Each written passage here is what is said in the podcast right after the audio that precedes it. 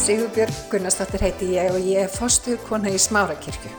Við langar til þess að bjóða þið velkomin í hlaðvarpan okkar en hér ætlum við að tala uppbyggjandi og hvetjandi orð. Ég vona svo sannlega að þetta blessi þig og hveti þig áfram til að gera góða hluti í lífinu. Já, takk fyrir að bjóða mér. Indislegt að vera með ykkur og bara hlakka til að deila minni sögu. Þetta er ekki bara mín saga, mér finnst þetta að vera til allra, allra sem er að leita að Guði. Við erum svo mörg, einlæglega leitans og förum alls konar leiðir, þannig að þetta er hróp og kall. Og þetta er, já, við þurfum að heyra þetta og fólk þarf að heyra þetta. Þannig að þess vegna stendi hérna fyrir framann ykkur í dag og, og bara byrð þess að, að Guð opni augu ykkar og bara taki blekkingarhuluna frá og sín ykkur, sín ykkur sannleikan bara í Jésu nafni. Dýri sig Guði. Og mér langar að byrja já, ég ætla að segja einmitt vittnesbyrju minn hvernig Guð snerti við mér og hvernig á augabræði hann umbreytti bara hugafæri mínu og, og, og ég tók algjör að auðbegju ég held virkilega að ég var að lifa sannleikan ég hef búin að leita hans lengi. Þannig að, að þetta var svo stórt kraftaverk. Hann er lifandi Guð. Og það er sagt á síðustu tímum munan hella anda sinn yfir okkur, sinn heilaga anda til að vekja okkur til sín, til sannleikans. Og menn og konum munu fá sínir og það mun vitrast til þeirra og hann er að gera þetta. Sama hvaða trúabröð þeirra fylgja. Hann er að vekja okkur til lífs og sannleika því hann er vegurinn sannleikun og lífið Þannig að mér langar að byrja hérna á Mattius 7. kabla 13 þar sem Jésús segir Gangið inn um þraunga hliðið því að vítt er hliðið og vegurinn breyður sem liggur til glötunar og margir þeir sem þar fara inn. Hver þraungt er það hlið og mjór sá vegur er liggur til lífsins og fáir þeir sem finna hann. Amen. En ég var þarna og ég skilða vel. Ég var þessu breyða vegi og þau myndi hitta mig fyrir þremur árum þá, veist, ég var bara glöð og ég var sátt og ég var að vinna við það sem ég elskaði og var búin að stækka það meira og meira því ég var andlega leitandi og var búin að vera í andlegum málum í, í 30 ár frá því ég var bara lítil stelpa. Þannig ég er búin að viða að mér alls konar þekkingu og ég var komin á þann stað fyrir þremur árum að ég var með nám bara ársnám í sjamanisma þar sem þú ert að gera að finna máttiðinn tengjast kröftun til að finna jafnbæi og kærleika. Auðvita allt með góðri, góðum ásetningi því við erum kærleiksrikt fólk og viljum lifa í ljósinu en þarna var ég og ég held að þetta væri sannleikurinn. Þannig ég var komið með bara nám og var búin að klára eitt ár og var með öðru ári annan hóp þannig ég var með alls konar sérimóníur heima hjá mér komið með svona tjald, svona stórt uh, júrt heiti það var með ring þar og var með sérimónýur og nýju tungli, svona giðjusérimónýur, allt til að tengjast eh, jákvæða og draga sín það góða inn í lífið, allt með góðum ásendingi og þetta er svo vinsalt og það eru svo margir þarna, bara, bara flestir Íslendingar, þeir, bara þeir elska þetta. Og ég læriði þetta í fjögur ár sem sagt, en þarna var ég fyrir þremur árum, bara að, að fá tekjur af því sem ég gerði var búin að vinna mig upp þannig að ég var komið svona samfélag og var að fá fólk í námskeið var bara að váka ég er heppin, váka þetta er gott og dásalegt að vinna með það sem ég elska. Ha. en það var eitthvað það var eitthvað skakt, það var eitthvað sem var ekki alveg reynd og en allavega það kemur aðeins einna ég ætla aðeins að spóla aðeins tilbaka. Það er gott að vita forsuguna og hvað gerðist og hvað umbreytist En já, ég var sem sagt bara með batslega trú því ég var lítil. Ég trúiði á Jésu og, og ég var mjög næm sem batn. Ég fann fyrir hendi Guðs. Bara því ég var að sofa þá fann ég hendi Guðs og ég fann fyrir Jésu. Ég las batnabiblínu þegar ég var lítil og einhvern veginn þannig að það var einhver blessun ég fekk orðið inn í mig. Og, og það var bara blessun sem var með mér alltaf. En ég einhvern veginn var svo rosalega forvitin og andleg og næm að ég fór að opna dyr, það er sem anda heimi. Ég opnaði dyr og þá var alltaf, ég, ég fór í andaglas, veist, það var svo spennandi og ég fór að lesa um miðla og andaheiminn og, og einhvern veginn fekk það svo stert í mig þegar ég var lítil að ég væri eilif. að það væri ekki dauði eftir þetta líf, ég væri eilíf og ég fór þá leita og leita og leita í öll þessi andlegu fræði sem er svo víða. Þannig ég kafaði inn í þetta bara frá því ég var 11 ára.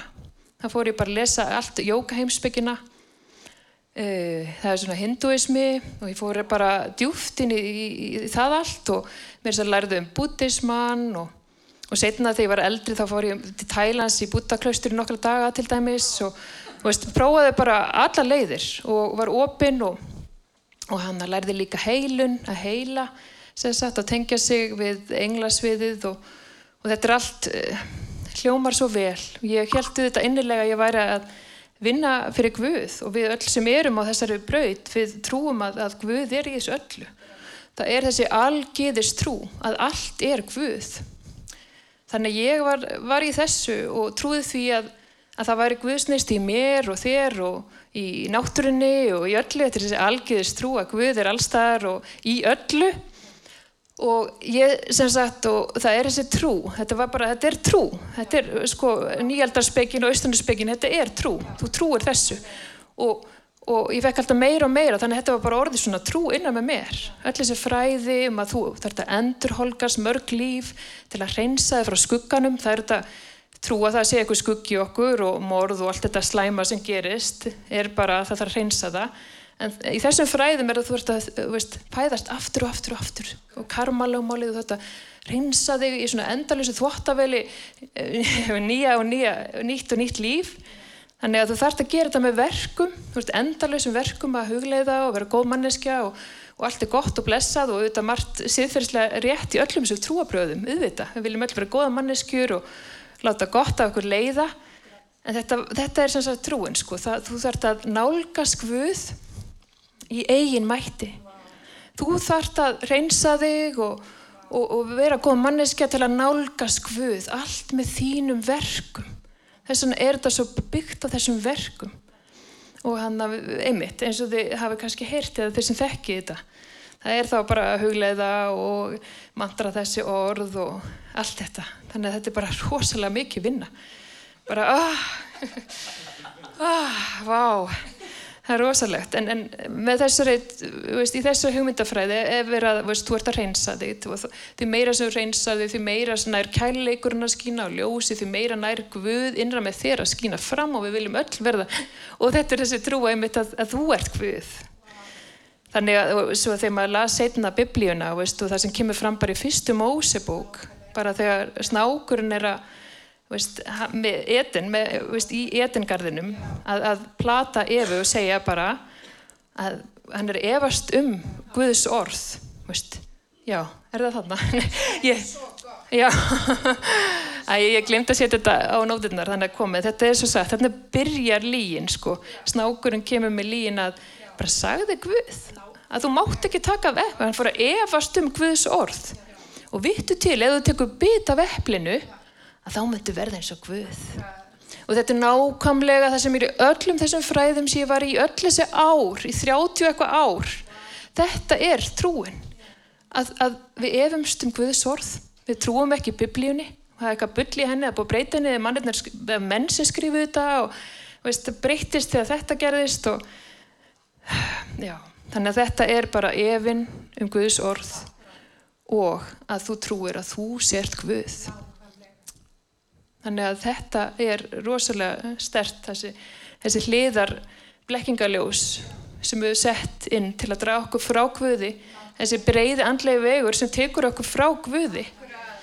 Og þannig að Guð, hann er svo dásamlegur, hann er svo dásamlegur, hann, því svo elskaði Guð heiminn að hann sendi svon sinn engetinn til að hver sem á hann trúir glatist ekki, heldur hafi eilíft líf.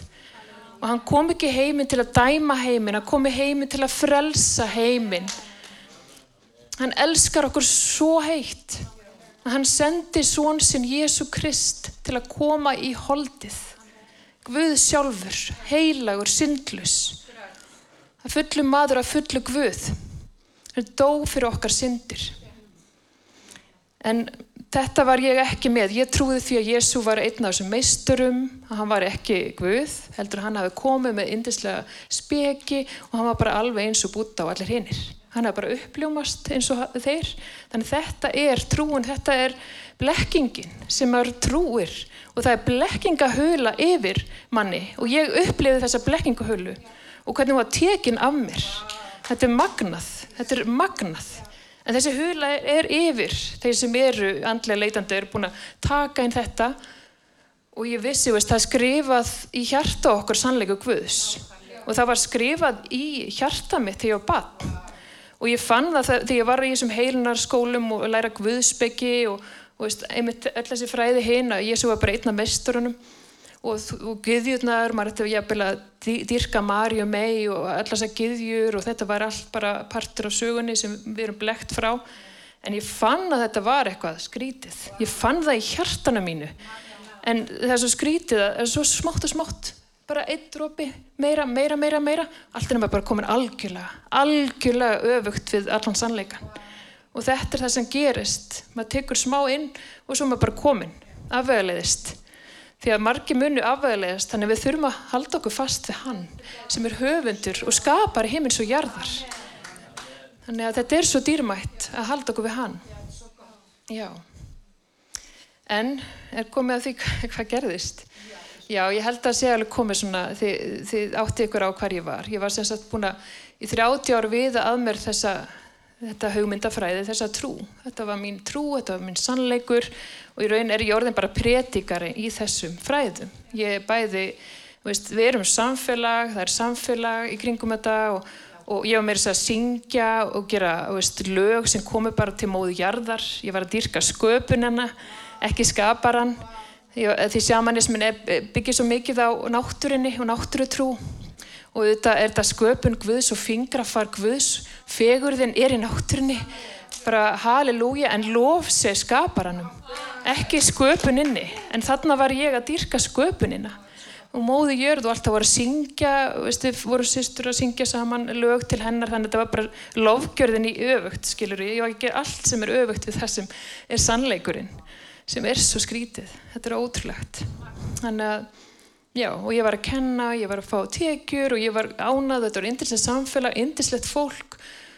Og ég hef svo mikið hjarta fyrir veist, að ég var aðna sjálf og við erum öll þessi andlega leitandi fólk við erum ótrúlega kærleiksrík og hann er indislegt fólk sem, sem ég bara beð um að, að einlaglega spyrja hver er sannleikurinn? Virkilega.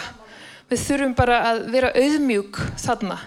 Auðmjúk að falla því ef þetta er ekki sannleikur þá má þetta falla við þurfum að byggja um að, að það komi hjarta að það mikið hjarta sitt gagvart fagnar erindinu. En það sem gerðist hjá mér, einmitt, þannig í apríl 2021, var þannig að ég var fann að finna eitthvað skugga. Ég var fann að finna eins og ég væri föst og eitthvað neginn, þetta var ekki alveg frelsi. Ég hef búin að vera í öll þessu ár og var komin annar stað að vera kennari og deila og veist, nám og allt gekk svo vel. Og það var eitthvað svona skuggi. Og ég var fann að spyrja mig spurninga bara, hvað er í gangi, Akkur, það er alltaf meira og meira. Það er alltaf meira og meira, þetta er svona ringkjól e, hamstursjól verka Veist, það kemur svona smá losun og, og, og, og hana, smá svona heilun og lækning. En svo er þetta aftur svona á sama stað. Og þetta ger aftur, það fara aftur í sérimóni til að ná þessu þessari gleði eða frelsi eða veist, það kemur svona hana, falst svona hæ eða bliss eða svona kemur svona einhvern veginn, já, þannig það var þannig. Og, hana, og ég fann að spyrja mig þessar spurningabæti, það er eitthvað sem er ekki alveg, að ég var svo einlag líka bara að vilja þjóna gvöði og vera ljósi og vera kærleikurinn og hjálpa fólki að finna jafnbæi og finna kærleikan og, og, veist, og finna, já, vera þarna, þannig að þetta var svona, ég var einlagri leit og ég bað, veist, ég bað til Guðus því ég trúði alltaf Guð. Þó að ég var að dýrka náttin þá var alltaf Guð sem samt var þarna fyrir ofan bara með öllu hinnu og hann að ég bað Guð bara síndu mér sannleikan bara ég var einlaglega bara að rópa til hann síndu mér sannleikan og ég var líka ég, man, ég var í þessar tilfinningu uppgjafar svona surrender. Ég var líka bara ok ef að ef að sannleikurinn er ekki alveg sem ég vil, að þá má allt falla. Ég var, ég var komin einhvern veginn, var orðin auðmjúk að, að falla öllu ef að sannleikurinn kemur var svolítið óþægilega fyrir mig. En ég var bara, síndu mig sannleikan, ég bara vill sannleikan. Og við vorum á þessum tíma líka að vinna með skuggan okkar og ég, veist, svona ákveðin vinna að vinna með alls konar tilfinningar og svona. En í, í náminu sem ég var að kenna. Og mér longaði sjálfa að fara og við notum svona aðferði til að ná í sínir og svona því þarna, þetta er alveru heimur, þetta er andaheimur. Og, og maður er að kalla einn andana og maður fær svör, veist, og ég var mjög góð í því að ná í sínir og, og fá bara skila bara frá andaheimi. Og það var bara með ákveðnu svona sefjunar ástandi með trommu og, og farið hugleislu og þannig ég var eina stund bara, ég, veist, bara bað Guð, síndu mig sannleikan og bara síndu mig líka skuggan minn. Og ég fyrir hana og með trómmuna og bara í hugleislu að bara tengja mig við andaheiminn og bara byggja um svör. Og þarna bara fæ ég svör. Ah, byggjuð og þeir muni fá. Og ég finn bara ég finn syndina ég finn bara hversu syndug ég er. Og ég fann einhvern veginn að þetta var, þetta var synd, þetta var ekki bara eitthvað skuggi, þetta var bara, þetta fór í gegnum merg og bein, þetta er hversu orðið er stert, veist, ég fann þetta í merg og bein, syndina. Og þetta var svo svakalega þungt og ég bara trúði ekki að ég var í svona syndug, bara, en þarna var ég bara í, bara einhvern veginn yðrunar ástand að finna syndina og bara greiðt fyrir þessum bara sannleika, ég er svona syndu og ég ber svona þungt. Og þetta var svona þungt farg og hræðilegt að finna. Bara heila á randi var að bara, veist, kom og sakfælla mig, veist, hann kom bara og sakfælti mig á þarna, þessu mómenti. Og ég bara í geðsræringu að finna þetta. Og svo fæ ég bara sín, ég fæ bara sín og ég sé gátt Guðs bara svo himnaríki, bara gátt Guðs og það er ljós bakvið og það er eins og svona, svona smá hula fyrir eða dyr. Og ég veit að þetta er bara ríki Guðs. Þetta er bara ríki Guðs er þarna og ég sé bara fólk fyrir utan svona eins og skugga bara einhvern veginn svona í hjúbri fyrir utan. Og ég bara finna þetta er ég, veist, þetta er ég og fleiri að leita Guði en veru fyrir utan gátt Guðs veru fyrir utan gátt Guðs.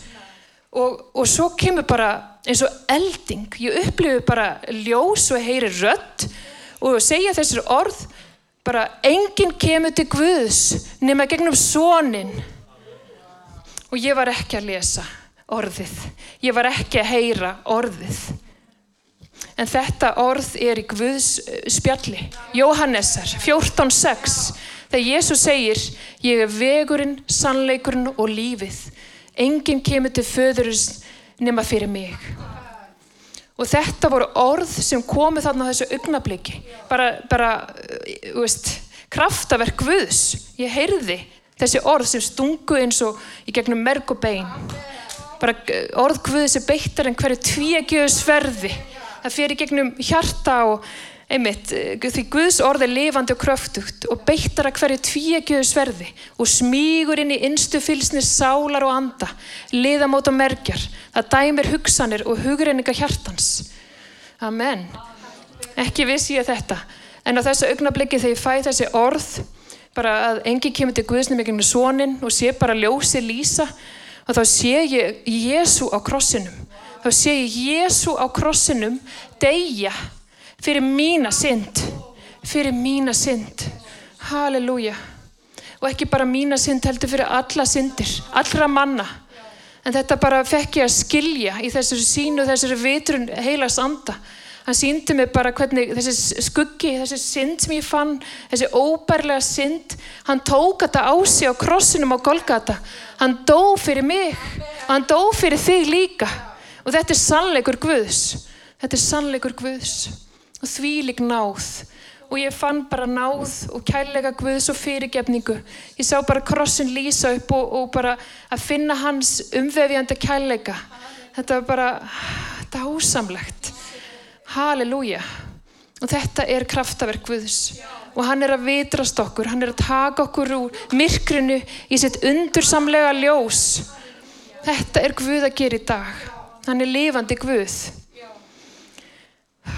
og ég var bara, ég geti ímyndið ykkur, ég var búin að vera kenna þessi fræði, pretika þessi fræði, vera með hópa fólki í miðjunámi og ég trúi því sem ég er að gera og held að það sé einlagt og það er einlagt, það er frá hjartanu en ég hafði verið blegt en þarna kemur Guð, ég var að kalla á hann. Ég var að kalla og bara síndu mér sannleikan og hann kemur, hann heyrir, hann bæn heyrir okkur.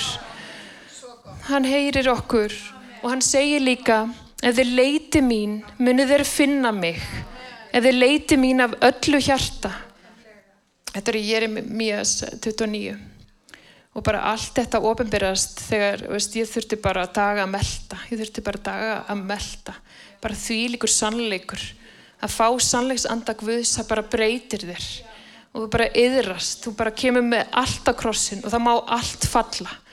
Og auðvitað var það erfitt samfélagið, vinir, mínu bestu vinkonur, veist, er, þetta er bara þetta kvarf, þetta fjall þetta er sárt en, en þetta er sannleikur Guðs og ég beð fyrir þeim og, og öllum sem ég var að kenna. Ég beð fyrir þeim á hverjum degi að, að þeim að fá sannleika Guðs líka að þeim að leita og virkilega spurja líka þessara spurningar. Ef að þú er sannur Guð, síndu mér það því það er ekki ég eða mín orð sem sannfæri annan. Það er ekki með mínum eigi mætti sem ég sannfæri.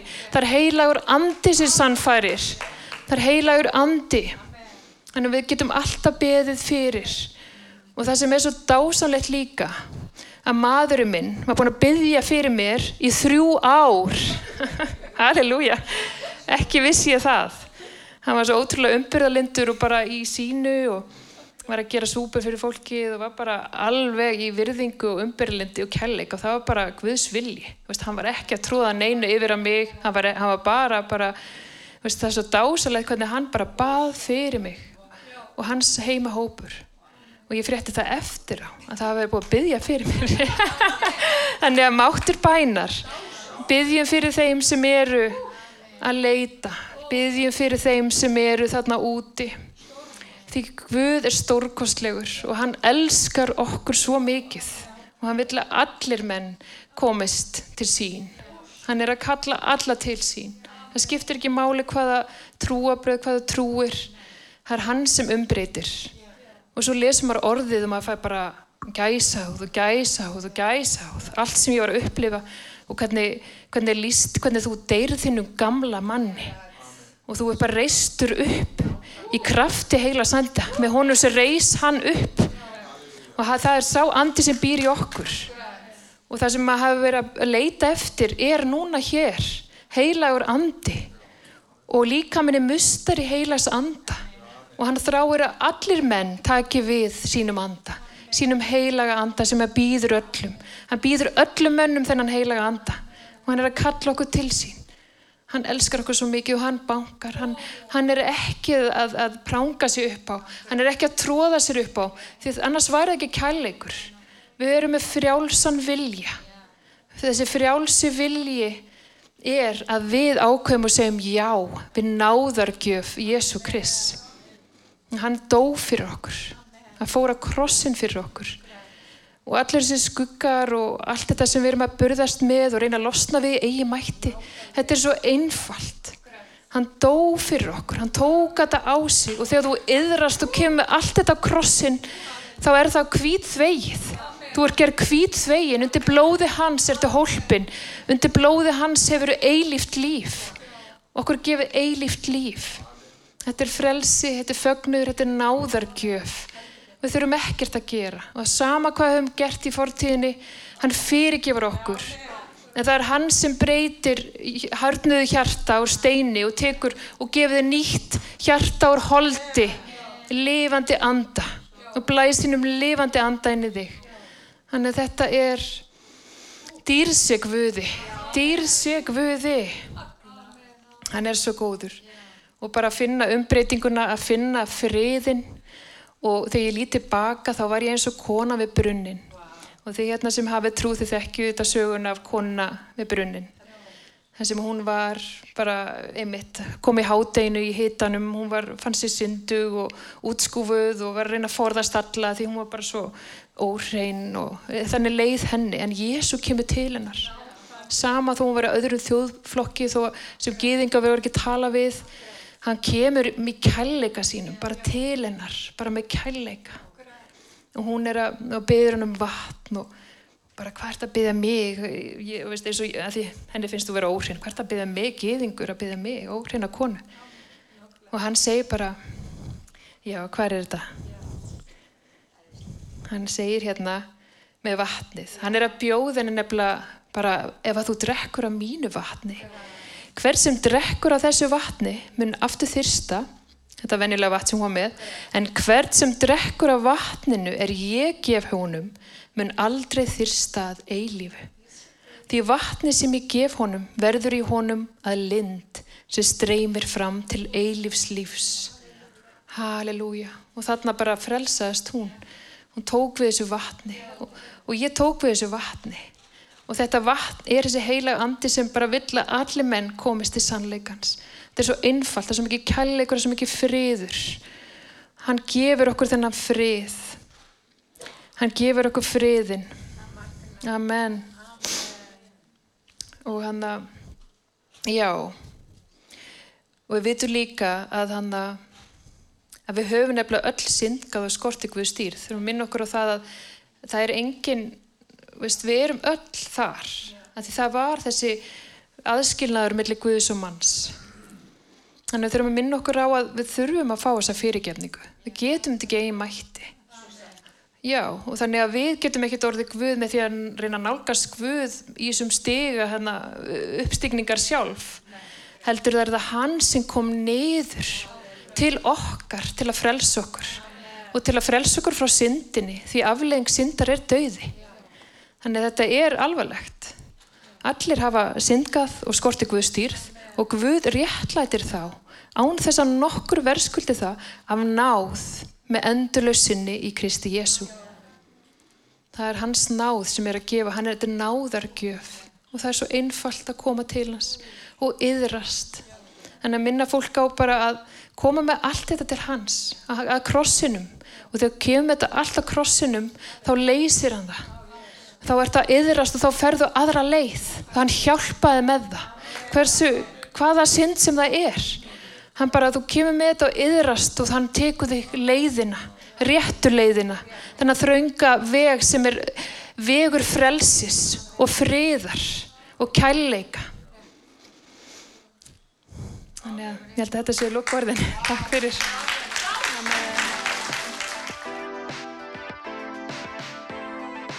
hveti til þess að stilla inn á okkur með reglum hætti því að hér verður alltaf eitthvað nýtt á nálinni. Takk fyrir að hlusta.